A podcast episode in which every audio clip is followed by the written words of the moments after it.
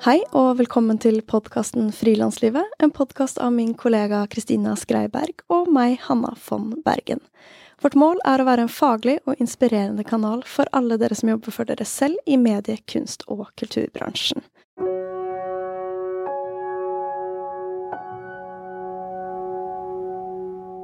Ukens annonsør er regnskapsprogrammet Fiken. Hanna og jeg vi går nå inn i vår femte sesong av Frilanslivet, og Fiken de har vært med helt fra starten. Og de var gira på å være med som annonsør til og med før vi hadde lansert, da vi gikk til dem med denne ideen. Og det er eh, veldig kult, syns vi, når man kan samarbeide med andre som vil det samme som deg selv. Både vi og Fiken ønsker å gjøre frilanseres og småbedrifters hverdag enklere. Så dere, la dere gjerne inspirere. Team opp med andre som vil det samme som dere, andre aktører dere virkelig tror på og bruker selv, som vi gjør med fiken.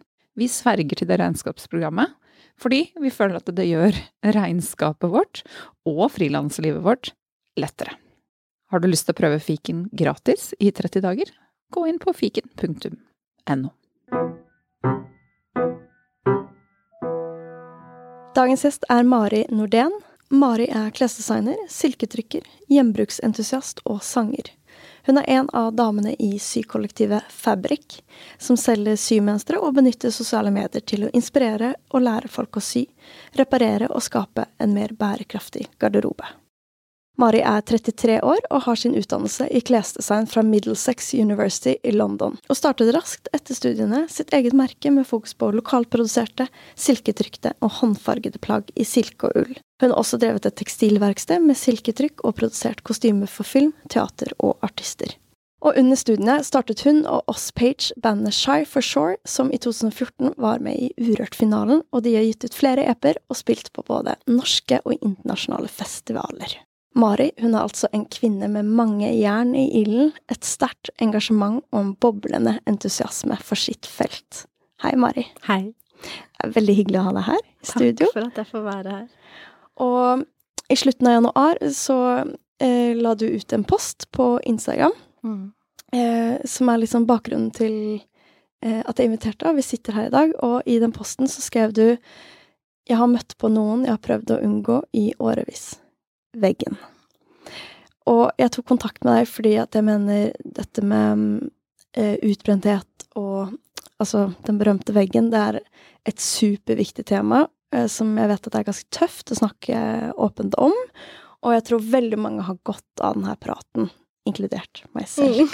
Mm. For du sa jo i sted at du har vært og strøket litt. Jeg har strøket ja. litt på veggen, ja. Jeg delte litt med det før vi gikk på lufta her. Mm. Og som sikkert veldig mange kan kjenne seg igjen i, så kan noen ganger liksom for mange gøye ting samtidig mm. ende opp med å ikke bli fullt så gøy. Mm. Sånn at eh, Derfor syns jeg det skal bli veldig fint å snakke med deg om dette temaet, og også om alt det spennende du driver med, fra musikk til klesdesign og til å skape syglede. Mm. Så aller først, la oss dykke litt ned, eller liksom inn i, veggen. den her berømte veggen. Kan gå ned veggen. til listen, yes. som er nederst på veggen. Bare trøkke trynet i det. i der. Um, ja. Altså, hvordan forholder du deg til det uttrykket? Uh, å gå på veggen? Å gå på veggen. Mm. Ah, jeg tenker at man kan liksom kalle det hva som helst, egentlig. Det er jo det det er. Så hvis kaller, man kan kalle det å gå på veggen eller å få seg en uh, støkk. Jeg vet ikke. Mm. Har det vært noe du hva som helst. Har det vært noe du har liksom hatt frykta eller hatt noen følelser rundt, eller ja. kom det som et litt sånn sjokk? Det kom kanskje ikke som et sjokk, og i hvert fall ikke som et sjokk på alle rundt meg. For de har jo sett liksom alarmen gå flere ganger. Jeg har jo også strøket og kost litt på den veggen tidligere. Eh, og jeg, eh, jeg har en veldig sånn Kroppen min er veldig Eh, fysisk på ting. Så jeg har jo tidligere så har jeg sånn ok, nå, nå har jeg fått omgangssyke i tre dager, liksom, uten at jeg har fått omgangssyke. At liksom kroppen bare legger meg flat eh, når det blir for mye. Eh, men så har jeg kanskje ikke hørt sånn veldig godt etter. Eh, og det er litt sånn som du sa i intro nå, når man har det så gøy i jobben sin, eh, så føles det så utrolig dumt eh, at det skjer. Fordi eh, Hvorfor skjer det, liksom? Når, når, man har det så fint. Men det som skjedde, da, var jo at eh, jeg begynte å miste ord. Um, vi gjorde en sånn eh, turné med DNB nå i, i, høst. Og da var det det Da var alle Vi var alle kjempeslitne. Mm, er det med Fabrik? Med Fabrik. Mm. Um, hvor vi var med Hun investerer rundt på tur. Uh, og um, vi satt liksom og skrev manuset uh, en halvtime omtrent før vi skulle på scenen. Uh, og jeg har jo ingen erfaring med uh, manus og det å huske på hva jeg skal si når jeg står på en scene. Jeg er veldig vant til å stå på en scene, men det å liksom få det i tillegg til alt det andre som skjedde, um, det tror jeg knakk meg ganske godt. Um, og så har jeg Jeg har liksom tenkt mye på det. Hva liksom kan ha vært roten til det som faktisk skjedde? Um, og så glemmer jeg også liksom Jeg har dysleksi. Uh, så ord og tekst er liksom kjempevanskelig. Men fordi jeg er en sånn person som bare gønner på 'Dette skal jeg klare, jeg skal være god på dette.' 'Dette har jeg aldri gjort før, så da er jeg sikkert god på det.' Mm. Eh, hopper bare i det. Eh, og så har ikke kroppen og hodet klart å følge med. Um, ja, og så tok vi liksom litt pause etter denne perioden, eh, men det var nok ikke nok. Så over jul, da eh, fikk jeg liksom ikke sove, og så da etter jul så begynte jeg begynte å miste språk. Eh, jeg begynte å glemme ansikter. Jeg eh, begynte å mm, glemme ting sånn generelt, spesielt sånn korttidshukommelsen. Det er så skummelt å oppleve. Ja, det er skikkelig skummelt. Fordi da da er det liksom ikke bare at kroppen er sliten, da er det hodet som er sliten. Og det Da ja, da ble jeg redd. Så da begynte jeg egentlig å forstå hvor, hvor mye jeg hadde kjørt meg selv, kanskje de siste årene. Og eh, jeg gråt veldig mye. Um, jeg måtte selvfølgelig snakke med Det er jo mange som spør meg om det sånn, hvordan, hva gjorde du? Jeg tror det skjer med meg òg. Jeg måtte jo snakke med fastlegen. Det er liksom det første steget. Her kommer steg for steg på hvordan du blir utbrent. Sånn guide. Ja. Går jeg rett inn i fabrikkmode. Her kommer steg på steg på Nå kan du laste ned den her ja. manualen, så du printer ut og klipper sammen. Legg arkene kant i kant. um, men, men, da ja, gikk du til fastlegen? Ja, da gikk jeg til fastlegen. Mm. Og jeg jeg glemmer det jo, for man glemmer det jo for hver, for hver, gang man har det kjipt, at man hadde det faktisk sånn her kjipt for en stund tilbake også. Og da var hun sånn hm, Du var jo her for dette samme i for halvannet år siden, eller for to år siden, eller Ja. Mm. For har det vært noe som på en måte har kommet og gått uh, ja, litt i perioder? Ja, definitivt. Og gjerne, gjerne når man har det fint. Da liksom det er, det er som når man, når man, skal på ferie, og man har jobbet jævlig hardt i liksom Da blir man syk. Da blir man syk. Mm. Um, så ja. Så det var liksom fastlegen som uh, ja, fikk sykemeldt meg da, 100% og da Da ble jeg syk. For da, da lå jeg og gråt i tre-fire uker i strekk, liksom. Og da tror jeg at liksom det er nok mye Det er jo det er selvfølgelig forskjellig for alle, men jeg tror nok det har vært en del følelser jeg har undertrykket i veldig, veldig mange år. Og de kom opp da. Så jeg har liksom hatt en sånn, en sånn sorg i kroppen. Jeg liksom bare ligget og skreket, liksom. Det er helt absurd hvordan mm. kroppen bare gjør det den må for å være. Ja, for da fikk du tid og rom mm. til på en måte å ja, men kjenne etter, da. Mm. Og ikke bare når det gjaldt på en måte utbrentheten, mm. men alt. Alt. Da kom det. Mm. Mm. Og hvis man spoler litt tilbake eh, Fordi du skrev også at eh, det har gått i 250 km de siste tolv årene. Mm. Det er en ganske lang periode. Mm. Eh, kan du fortelle litt om sånn, hvordan så på en måte hverdagen din ut, eh, eller har sett ut de mm. siste åra? Ja, det har jo vært jobb, da.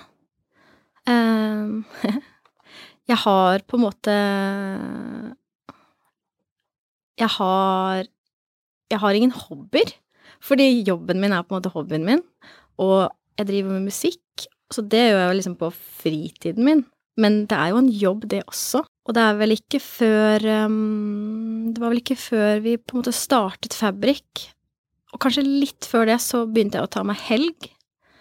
Eh, Så det har jeg heller ikke um, prioritert inn i livet mitt, det å faktisk ha fri. For jeg har liksom ikke følt at jeg trenger det. Eh, og ferie, det har jeg heller egentlig aldri egentlig hatt. Eh, så det er hot tip, da. Ta ferie. Ja. Ta helg. Jeg skjønner jo også, da, for når du er veldig engasjert i det jeg driver med, og det Mm. tror jeg mange som lytter kan Mm. kjenne igjen i seg selv, så har man kanskje litt sånn følelse av at eh, Ok, skal jeg sette på Netflix eller gå en tur, eller, Mm. eller Da kan jeg kanskje like gjerne gjøre noe som jeg syns er skikkelig gøy, Ja, det er det. Eh, som er jobben, da. Eller Mm. hobbyen og jobben, eller det. Mm. Som- Ikke lov å si, men ja. Ja. Så det er jo veldig forståelig Mm. at man ikke har et sånn eh, skille når man ikke kjenner at man har lyst til å ha det. Ja, det er det. Mm. Mm. Ja, det er akkurat det. Og når begynte du å merke Altså, hvordan kom liksom tegnene eh, på den her liksom overbelastningen? Hvordan kom det til uttrykk? Jeg tror nok første gang jeg kjente på det, var vel eh, for fem Nei, det er mer. Seks-syv år siden, kanskje. Etter at jeg flyttet tilbake til Norge. Etter jeg hadde bodd i Amsterdam i tre år også. Og da fikk jeg um, Liksom i starten av sommerferien så fikk jeg sånn angstanfall når jeg kjørte bil på landeveien liksom inne i Drøbak eh, et sted.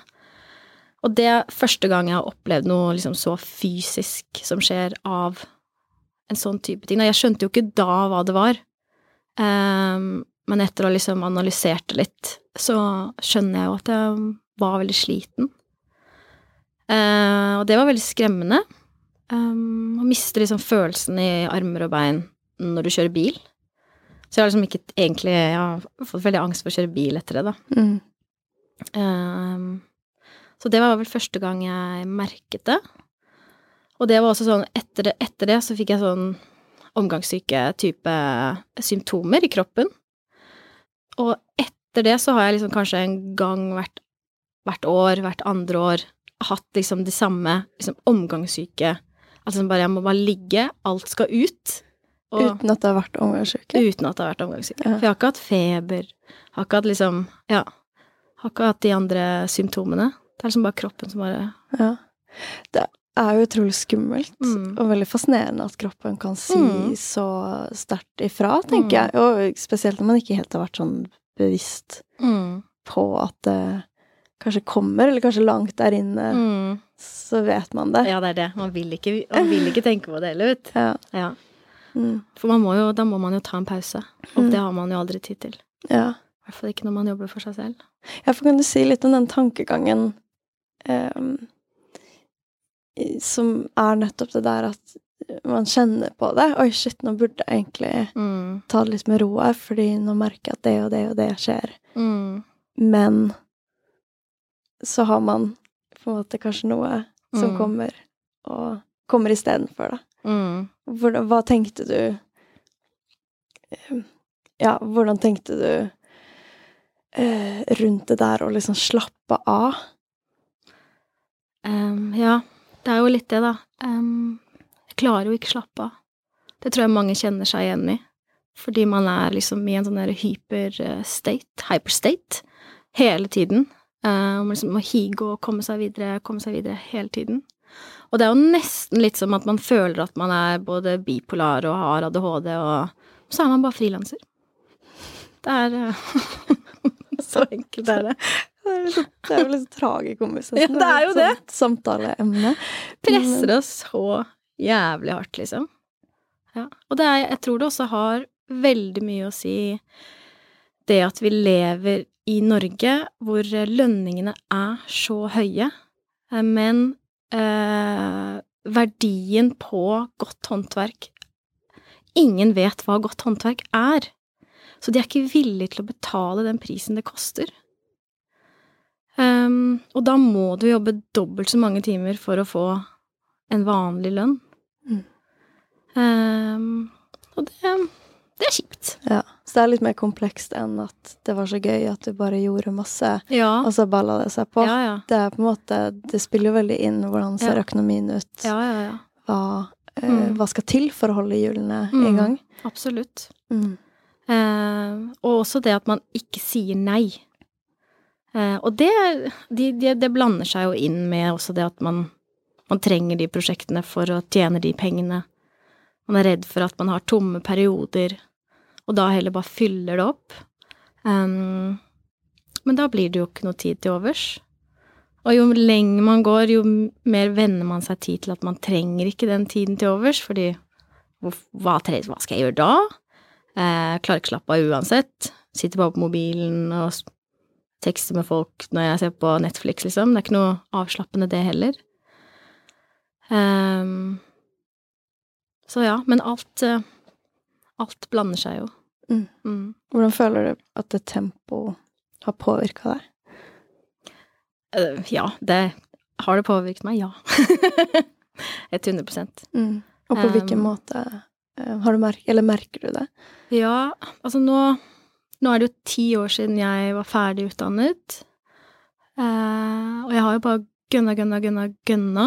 Og jeg, jeg, kan ikke, jeg kan jo heller ikke si at jeg skulle ønske jeg ikke hadde gjort det. Fordi det, det er jo veldig dumt. Eh, Da hadde jeg kanskje ikke kommet dit jeg er i dag. Eh, men jeg skulle gjerne ønske at jeg, at jeg lærte meg samtidig å slappe av. At jeg visste hva det var. Um, men ja, jeg kjenner liksom at det jeg liksom ser for meg når jeg har det som verst, da står jeg på en trampoline og hopper, og så rister jeg på hodet samtidig, og så har jeg to sånne racketer med sånne baller med sånn snor. Altså, det er tilstanden jeg, jeg, jeg er i når jeg har det liksom som verst. Og den tilstanden har jeg kjent at jeg har vært i veldig lenge. Mm, du bare løper og løper og Ja. snurrer og snurrer og hopper og ja. Mm. Mm. Man tror jo man Man vil jo ikke lukke øynene, fordi da, da kjenner man på det. Mm. Utrolig vanskelig også å sette ned foten og, og bremse. Veldig. Mm. Mm. Men så skjedde jo det, da. Ja. Mm. Og du nevnte at du var um, var hos fastlegen. Mm. Hva måtte skjedde etter det? Ja, altså, det jeg er veldig glad for, er jo at hun tok meg jo veldig seriøst. Um, og det samme med um, jentene i Fabrik og, og managementet og liksom daglig leder. Alle tok meg veldig seriøst, um, og det er jeg veldig takknemlig for. Men jeg følte meg jo Hva skal man si? Jeg følte meg jo um, ubrukelig. Altså, jeg, jeg har alltid jobbet for å ikke være ubrukelig, liksom. Eh, og nå fikk jeg virkelig kjenne på at liksom Jeg strekker ikke til. Eh, og det var ikke noe gøy. Um, men ja. What can you do? Ja, Mm. for jeg tenker at alternativet er jo ikke Mm. noe bra. Ja. Og det er jo bare å fortsette, og det går jo ikke. Det, jo det. Nei, det det- blir jo fysisk Ja. umulig Ja. også. Og så har jeg lest om sånne folk som våkner opp som, som ikke husker hvem de er. Wow. Som har liksom Det har smelt så hardt at de liksom ikke husker hva de heter, og hvem, hvor de bor, og hvem de er. Og eh, det er vel kanskje redselen, da. Og da, da får man jo ikke levd eller jobbet, så det Man må nesten bare ta de Ta det sølet. Bade i det. Mm. Ha liksom sånn sølebryting med deg selv. En antakelse som jeg tror mange kan ha, er litt den der at uh, man pusher seg selv veldig, og veldig langt over mange år. Og så tenker man kanskje at ja, kanskje man går på en smell om å slappe av litt. Mm. Ta litt fri. Mm. Eh, det er jo kanskje ikke liksom så ille, altså. Mm. Og så kommer man seg tilbake. mm. Men hva, hva tenker du er feil med den antakelsen? Ja, det er alt. For man klarer jo ikke å ta fri. Så selv om Selv om jeg nå liksom lå på sofaen i to måneder, så Jeg hadde jo ikke fri, på en måte. Og det er jo kanskje noe jeg er veldig, også veldig takknemlig for, da, er jo det at jeg har jo ikke gått på veggen fordi jeg ikke liker jobben min. Eh, det er det jo kanskje mange som, mange som kjenner på, at liksom åh, jeg trenger et karrierebytte fordi jobben min sliter meg ut. Men jeg vil jo tilbake på jobb. Eh, så da må jeg rydde opp i dette, da. Så det en, jeg har jo hatt en jobb og eh, i å rydde opp i liksom det å ja. Og virkelig øve meg på det å slappe av. Jeg har jo Jeg har jo begynt å meditere veldig mye. Og det har vært sånn de siste årene så har det vært sånn Ja, du må jo bare meditere, og det alle sier det. Og når du går på sånn eh, rask psykisk helsehjelp-kurs, så er det sånn ah, du skal lære å meditere. Meditering, meditering, meditering. Ah. Den nye resepten er liksom å meditere. Eh, så jeg har vært sånn Ja, ja, jeg laster den der appen, og Calm, eller Headspace, eller hva man nå syns er digg. Og det har jo funka sånn på å sove og sånn. Det har jeg syntes har vært helt topp. Eh, men jeg har ikke skjønt før nå, liksom etter å ha meditert liksom en halvtime eh, to ganger om dagen, eh, liksom, og ta meg virkelig tid til det, hva det faktisk gjør med kroppen. Jeg vil beskrive litt hvordan det oppleves. Bare det å klare å liksom slukke lyset, liksom. Eh, og komme inn i et sånt modus hvor du Ingenting er noe Det er ikke farlig, liksom. Det er Du trenger ikke hva, skal man si? Det er jo akkurat dette. Det er Dette er meditering. Å klare å liksom komme til et sted hvor du hvor du bare kan være uten å uten å føle noe. Fordi du føler jo noe hele tiden. Mm, uten at hjernen hopper Mm. fram i framtiden og Mm. inn i fiksemode. Ja, ja. Eller tilbake. Mm. Eller her og nå. Eller hva du skal gjøre. Altså bare sånn virkelig, den er ingen sted. Og det å kjenne på at kroppen slapper helt av Sannsynligvis er det jo mange som klarer å, å, å slappe av em, til daglig. Det klarer ikke jeg. Så det å finne et verktøy som som, em, som det, det har virkelig vært gull verdt. Men jeg merker jo nå, nå er jeg jo 60% tilbake på jobb. Um, og da klarer jeg ikke å meditere. Så det er det, det blir jo det som er jobben fremover, å liksom klare å uh, merge de to. Uh, og klare å slappe av Uh, og være ding, ding, ding på jobb. For det er, det er så lett å bare dra på jobb, komme tilbake i samme hamsterhjul, liksom. Samme tankene, samme rutinene.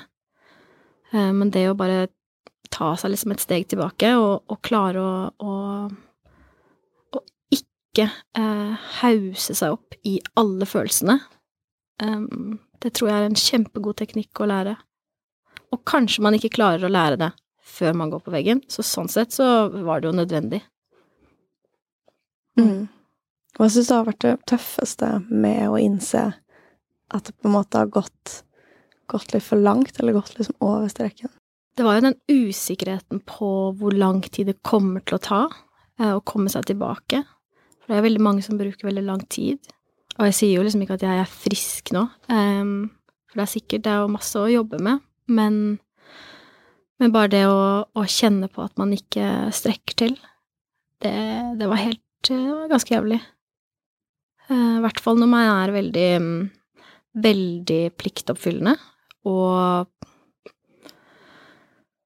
ja, jeg var redd for at eh, liksom eh, At det ikke gikk rundt på jobb. Altså sånn Men det gikk jo helt fint. De, bare, ja, de andre jentene tok jo bare over alt sammen. Det gikk jo helt fint. Mm. Var du redd for å skuffe de Ja, du jobba med? skuffe. Kjemperedd. Mm. Definitivt. Jeg syns det er veldig interessant, for jeg tenker at det, er- det treffer nok mange som Mm. At man tenker at det er en slags umulighet, og, og at det at det er ikke noe man assosierer med seg selv og sin identitet, det der å, Skuffe. å skuffe. Mm. Eh, Men hva gjør det så vanskelig? Hvorfor er det så farlig? Ja, hvorfor er det så farlig? Ja, det er et veldig godt spørsmål. Ja, hvorfor vil man ikke skuffe?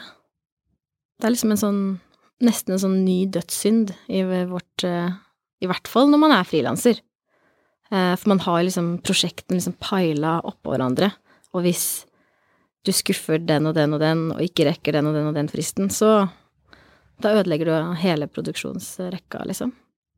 Og hvis noen andre som du vet har mye å gjøre, må ta over, da vet du jo hvordan de har det.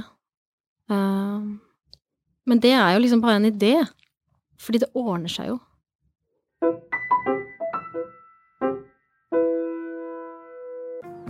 Ungsamtalen fra DNB er økonomisk veiledning tilpasset deg som er ung.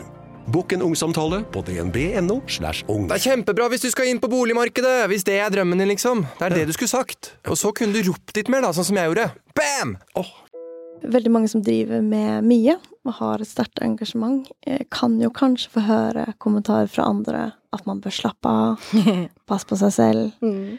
og sånne ting. Eh, har du fått høre sånne kommentarer? Ja, ja. Da tenker jeg bare sånn Fuck you. Se hvor godt Se hvor bra det går med meg! Er det sånn du har tenkt? Jeg trenger ikke slappe av. Ja, ja. Det har jeg, det har jeg tenkt.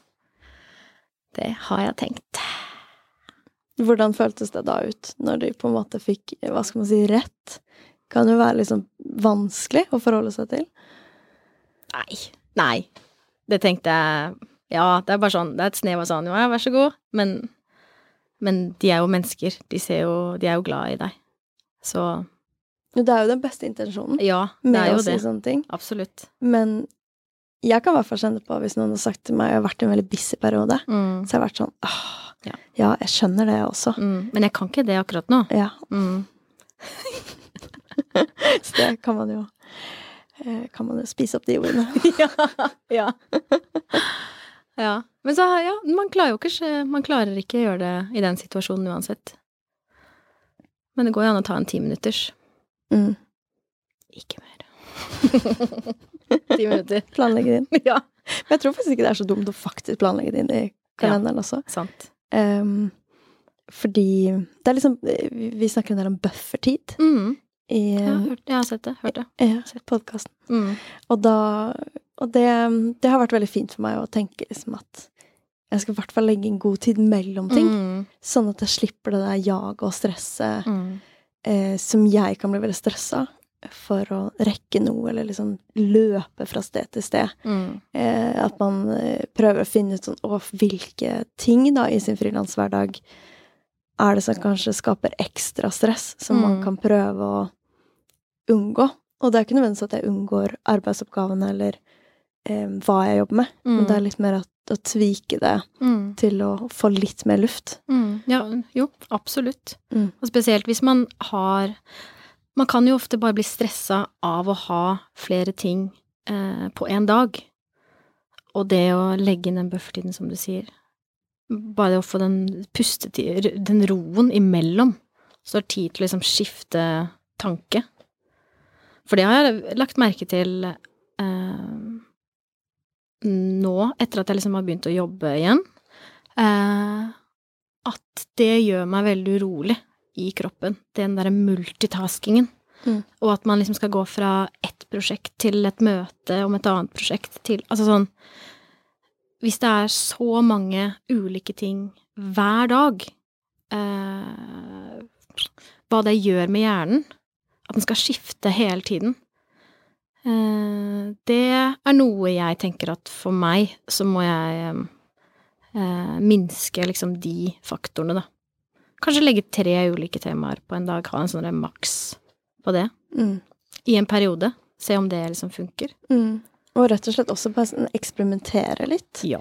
med sånn Ok, det her, det her funka ikke så bra. Mm. Kanskje jeg kan Mm. tvikke sånn her, eller ja, at man Mm. Og ut ifra hvordan man er som person, og hva, hvor skoen trykker.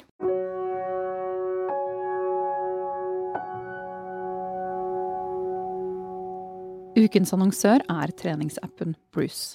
Vi er medlemmer i Bruce og er veldig fan av konseptet, fordi vi liker at gjennom Bruce får vi tilgang til, og ikke minst kan støtte og oppdage, små og uavhengige treningssteder og, for min del, yogastudioer.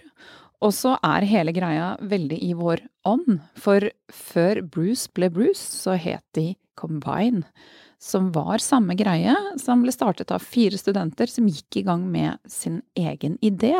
Så ble de etter hvert Bruce, men flere av de samme folka som står bak, de jobber i Bruce. De er en bitte liten gjeng som sitter på Factory Tøyen, hvor vi også nå har våre arbeidslokaler. Og vi liker å løfte frem eh, ideer og ja, andre menneskers entreprenørskap og ideer som vi tror på. Og hvis du har lyst til å prøve, så får du 50% avslag første måneden hvis du bruker koden frilanslivet ved innmelding.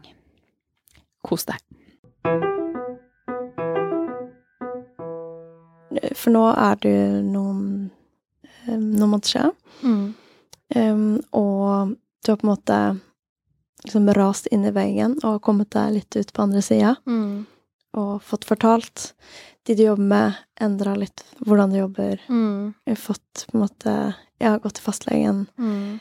funnet noen gode metoder, da, som Mm. sier med meditasjon. Og, nedgra eller sånn, og gradert stilling Mm. prosent. Er det um, Hvordan ser på en måte hverdagen annerledes ut nå, eller hva er din sånn Hvordan ønsker du å gå videre? Åh, det, er, det er veldig vanskelig, for det er jo det som Det blir jo på en måte en eh, En slags medisin du må ta eh, hver dag eller hver uke. Dette med å, å ta vare på den psykiske helsen også. Nå, nå vet jeg jo hva som kommer til å skje hvis jeg ikke gjør det. Det er litt som å kanskje ta en hjertemedisin. Du må, må bare ta den, ellers så har du ikke noe hjerte, på en måte. Men eh, det jeg har De grepene jeg har tatt, da, er det at jeg har begynt å skrive dagbok. Um, i, på ekte papir, liksom, ikke på mobilen. Uh, for det gjør visst uh, en greie med hjernen at du, når du skriver noe, så tenker du, sak med, du tenker saktere. Og alle de tankene og følelsene du har uh, rundt alle mulige ting, når du først får det ned på papiret, så er du nesten ferdig med de. Det er en slags meditasjon i det å skrive dagbok også. Eh, og så har jeg begynt å um, å um, ikke være på mobilen første timen eh, i døgnet og eh, siste timen i døgnet. Så det å ikke spinne seg opp i, i, um, i eh, alt som skjer på nett, sånn i de mest liksom, sensitive timene av døgnet, um, det syns jeg funker veldig godt.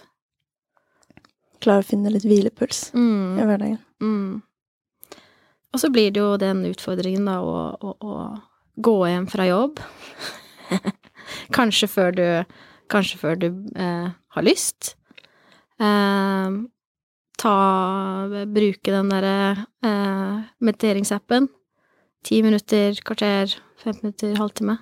Hva man nå får til om dagen. Um, men så tenker jeg også at liksom det å gå en tur i skogen en gang i uka, det er noe jeg virkelig tror vil være medisin. Mm. Mm. Det, det var jo en ekstra jobb å tenke på at man også skulle eh, Skulle tenke på det. At man liksom skulle slappe av i tillegg til all den jobben man gjør. Så det er jo lett å si det sånn i ettertid. Men jeg hadde nok ikke hørt på meg selv eh, hvis jeg hadde hørt dette i fortiden. Hva hadde du tenkt da? Slapp av. Hold kjeft, da. Og er det noe du vil si nå til Si at det er noen som sitter og lytter, Mm. som kanskje er litt der og stryker litt, og Mm. kanskje vet det innerst inne, men kjører Mm. seg selv litt hardt. Er det noe du vil si til den personen? Åh. Jeg har lyst Jeg har jo selvfølgelig lyst til å si At du må høre på deg selv, liksom. Høre på kroppen. Men eh, jeg tror ikke det er så lett. Mm. Men det er ikke dumt å laste ned en sånn mediteringsapp. Eh, og bare teste det ut litt. Jeg begynner litt i det små. Ja. For jeg er veldig glad for at jeg hadde gjort det allerede, liksom bare sånn litt sånn på kvelden for å For å liksom klare å sove. Um, men ja. Mm. Men være litt mindre på sosiale medier. Det tror jeg er lurt også. Jeg husker jeg så på en Jeg tror SVT som hadde en serie som het We Just Can't Do Mm. It. Som handla om kvinner og utbrenthet Ja. i ulike yrker. Og veldig mange ulike grunner til at um, de som var portrettert, da, ble utbrent. Mm. Men det som kanskje satte mest sånn preg hos meg, Mm. var det der hvordan det faktisk endrer hjernen Mm. på lang sikt. At det ikke bare er litt sånn Oi, du går på en smell, slapper av litt, og så blir Ja. det bra. Mm. Men det, det kan ha ganske drøye effekter over ganske mange år. Mm. Og det er litt sånn litt skummelt å tenke på, men litt viktig å tenke på. Fordi da føler jeg at det blir sånn et alvor i det Mm. som er, eh, er riktig, da. Ja. Å ha også. Mm. Nå skremte du meg litt.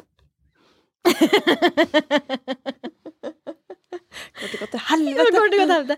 Men jeg tror liksom at når, når det først har starta, så tror jeg liksom glasset er fullere og fullere for hver gang. Altså at At det liksom eh, At det er kortere tid mellom hver gang du du smeller. Jeg har liksom kjent litt på det. Så det er veldig viktig å lære seg å slappe av. Og folk slapper jo av forskjellig. Men eh, ja, litt som du gjorde i dag, dro og svømte. Mm, nydelig. Ja. Så digg. Skal jeg gjøre i morgen. Deilig. Hvis jeg har tid. Nei da. Og hvor er det du henter energi fra nå eh, om dagen? Jeg har en sånn indre ball av energi, jeg, tror jeg. Det skal ikke mye til for å fyre meg opp. Um, men mennesker Jeg blir jo veldig fyrt opp av mennesker. Og det var også kjemperart når jeg var midt i den der um, gjørmebadinga mi. Bare å møte folk ute i bakgården, liksom. Det er egentlig sånn Jeg, jeg er sånn person som Jeg vil ha døren åpen. 24-7, liksom. Bare sånn 'Velkommen inn, kaffetrakteren står på', liksom. Men det å bare møte folk ute i bakgården Jeg begynte å svette. Det var så rart. Bare sånn hva, hvordan kroppen re reagerte i den perioden. Jeg skulle, jeg skulle bare ligge der og, og bade i, i driten. Veldig rart. Men eh, nå er jeg tilbake på Nå er naboene fullt sosialisert. eh. Nå kommer det et smil istedenfor svette. ja. Deilig. ja. Jeg er veldig glad i folk. Um, ja, veldig glad i um, Ja, og en, en annen ting jeg også har merket, etter at jeg fikk slappet sånn ordentlig godt av, er at jeg setter mer pris på musikk. Jeg tror det at eh, Jeg har i hvert fall kjent veldig på det de siste årene, at liksom Ja, jeg har jobbet med musikk, ehm, men når du liksom hører nye artister som kanskje er på, på din egen alder, så har det vært mer sånn derre sjalusi, eller sånn Ikke sjalusi, men en sånn slags følelse i at liksom mm, Jeg vet ikke. Jeg tror mange føler på det. Um, og nå skal jeg si det høyt. Det er fint, det. Um, men etter at jeg liksom fikk, fikk slappet av litt, så har jeg ikke den der edgen. Jeg er ikke så sint. Mm. Det her kan jeg faktisk kjenne igjen i meg selv også. At ja. uh, um, jeg ble sammen med en fyr som er veldig tilstedeværende, og veldig god på veldig mye av det jeg kanskje ikke er så god på. Mm. uh, så jeg blir veldig imponert, og litt Mm. sånn inspirert av det også. Mm. Og eh, jeg merker det i meg selv når jeg har hatt roligere perioder. Eh, og nå har jeg det mye roligere enn det jeg hadde for noen år tilbake. Mm. Jeg merker at jeg har mye mer sånn em, humøret mitt Jeg har mer romslig humør. Mm. At det, det, Ja, det er ikke så kort til litt sånn småirritasjon. Mm. Hvis noe ikke går etter planen. Mm. Eh, for det er jo det når ting er så stappa at så fort noe Ja. går feil, så blir det veldig sånn «Åh, Ja. Det skaper stress. Men også sånn litt sånn absurd, ja, som du sier, når man Egentlig noe du kanskje til vanlig blir inspirert av, Mm. så, så kommer det også en annen følelse fram. Mm. Mm. Og det at den sjalusien på en måte egentlig ikke er sjalusi, at den, at den Mer en sånn inspirasjon, som du, som du nevnte. Men tror du at Tror du at liksom alle disse tingene bare kommer med alder nå? Nå er jo vi liksom opp i 30-årene, liksom.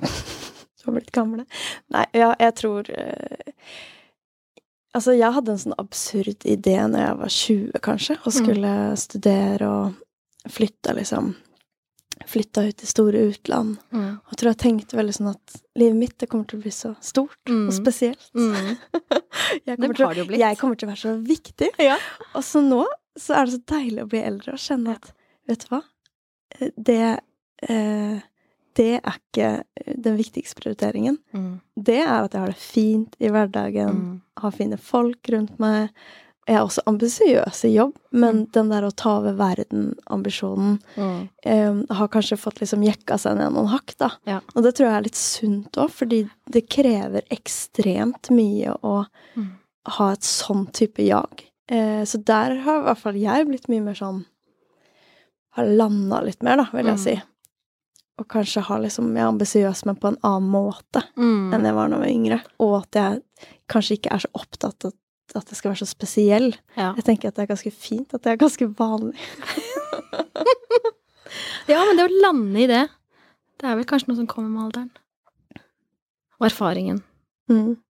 Hvis du ikke hadde hatt den, all den erfaringen som du har, eh, så hadde du kanskje ikke følt det på samme måte. Nei. Hvordan har du med det? Merker du det med alderen? Jeg er veldig mye mer trygg i meg selv, men jeg har alltid vært veldig selvsikker. Men nå har jeg liksom erfaring å bygge det på. Um, så ja, jeg jager jo fælt fortsatt, på en måte. Eh, men ikke på en sånn desperat måte. Men det tror jeg aldri har gjort. Jeg har bare tenkt at liksom, så lenge jeg jobber hardt hver dag, hele tiden, alle timene i døgnet, så vil det liksom strekke til. Da har jeg i hvert fall gjort det beste jeg kan. Ehm, Det er jo veldig høye krav Ja. til seg selv. ja, det er veldig høye krav. På en måte. Mm. Ja. Men det er kun høye krav hvis man sammenligner det med andres krav som er lavere. Men ikke hvis man sammenligner med andre. Men mine krav sammenlignet med mine krav er jo ikke så høye, de er helt normale.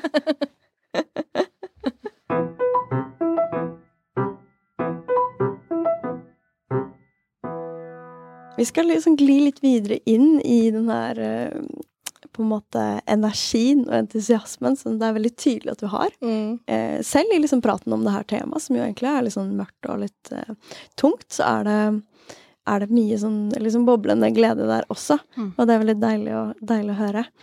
Som nevnt i introen, så eh, jobber du med Fabrik, Mm. som eh, skaper syk glede. Og du er utdanna klesdesigner. Du er også musiker, Mm. så driver med masse spennende. Og hva Når vi tar det her med syglede, hva, er det som, hva gir deg syglede? Ah, jeg tror det bare å, det å skape noe, det er jo en fest.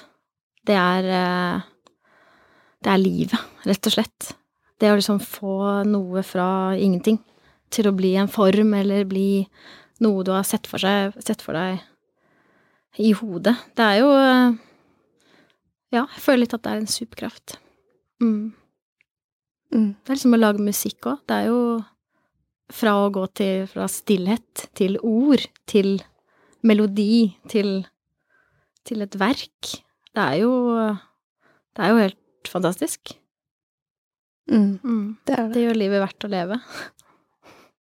Og hva er det du er opptatt av å få frem når du syr og designer klær? Ehm, ja, det er, det er mange ting, og det har jo endret seg eh, fra, fra for ti år siden, på en måte. Eh, men nå eh, så er det jo veldig fokus på det å lære folk eh, hva det krever å liksom lage, lage klær, lage ting. Jeg tror jo veldig på at når man først lærer det, så ser man skjevheten i verden. At man ser skjevheten i, i at liksom det, det, det du kjøper i butikken, og den tiden du akkurat har brukt på det du, på det du lagde selv, den, den er så Det er så to forskjellige verdener, da. Eh, og så kan man jo si ja, liksom, ja den er laget i et annet land, og derfor er det billigere og sånn, men det er en person som har sittet og lagd dette. Så det, det har jeg veldig troen på. At eh, kunnskap, eh, at det er kunnskapen eh, om hvordan man lager ting, som gjør at man forstår hvor skjevt det er eh, markedet er bygd opp. Hvordan har ditt bilde av hva du kom til å jobbe med, endra seg fra du var ferdig utdanna klesdesigner til nå? Det, det endra seg jo egentlig over natten da vi startet Fabrik. Eh, noe som bare skulle være liksom et, eh, et lite ellevilt eh, koronaprosjekt, eh, endte jo med å bli en, en stor bedrift. Eh, et eventyr uten like som Ja, som eh, Jeg føler jo at jeg bare ramlet inn i på et vis, selv om man kan jo tenke at liksom alt det jeg har gjort før, har bare akkumulert opp til, den, til det punktet. Vil du fortelle litt om hvordan dere møttes? Ja, vi mm, Vi eh, Jeg møtte vel Jenny da jeg åpnet trykkeriet. Eh, og det, jeg åpnet i kjelleren til Fjong, faktisk. Um, ja, det er det vel. Det er jo noen år siden nå. Um, Og trykkeriet var vel kalt Fabrikk? ja, det var kalt Fabrikk. Um, Og det var silketrykk og hadde kurs og sånne ting. Ja. Og Fjong er da en eh, bedrift som man kan leie klær Mm. hos. Mm. Så vi delte da lokaler. Eh, og så meldte jeg egentlig bare Jenny og sa at liksom hei, det er utrolig lett og fett å, å trykke på gamle tekstiler. Eh, liksom, silketrykk er jo en luksus eh, En type luksus eh, Hva skal man si? Luksus eh, en håndverksteknikk som er av litt mer den luksuriøse typen, fordi det krever så innmari mye tid og, og kunnskap om liksom, hvordan, man, hvordan man gjør det. Så det å liksom kunne liksom jobbe med brukte ting og silketrykk, det er jo liksom en, eh, en veldig god match. Så hun kom på besøk, eh, og så hun, så hun jo alt jeg drev med. Eh, og etter det så jobbet vi på litt forskjellige prosjekter sammen. Eh, og jeg sydde litt for henne, og eh, vi gjorde et sånt trykkprosjekt med Tice eh, til kvinnedagen og sånn. Mm, og det samme skjedde vel med Ingridne. Jeg tok vel kontakt med en av de. Vi møtte Det var vel sånn Instagram-vennskap. Eh, og så endte det med at jeg lagde mønstrene til Ingrid og Ingrid syboka. Syboka dems. Sy med Ingrid og Ingrid. Mm, og ja, da var det gjort. Ja, så kom liksom det til en tid hvor eh, vi alle trengte et nytt verksted. Og vi skulle egentlig bare dele verksted. Ha liksom et sy... Et syverksted sammen. Um, og så kom korona. Uh, og da starta vi Fabrik. Det er veldig deilig at det Mm. kan skje på den måten. Ja. Litt sånn um, Litt tilfeldig, og litt at Mm. du strakk ut en hånd, og Mm. litt sånn steg for steg. Og Mm. apropos samtalen i stad, da, Mm. så tenker jeg jo at hvis du hadde vært Hvis ikke korona hadde kommet, Mm. og det kanskje hadde vært stappa med prosjekter for dere alle, alle, ja så er det ikke sikkert Mm. dere hadde møttes på den måten dere Mm. møttes nå, og hadde fått tid og rom til å lage noe Nettopp. sammen. Mm. Planen var at Fabrik skulle Eller det vi skulle gjøre sammen, eh, skulle liksom bare være en sånn bigeskjeft. Men så skjedde jo akkurat det du sier, at eh, alle prosjektene til alle oss ble avlyst. Og da var det jo tid. Masse tid. Gratis tid! Deilig.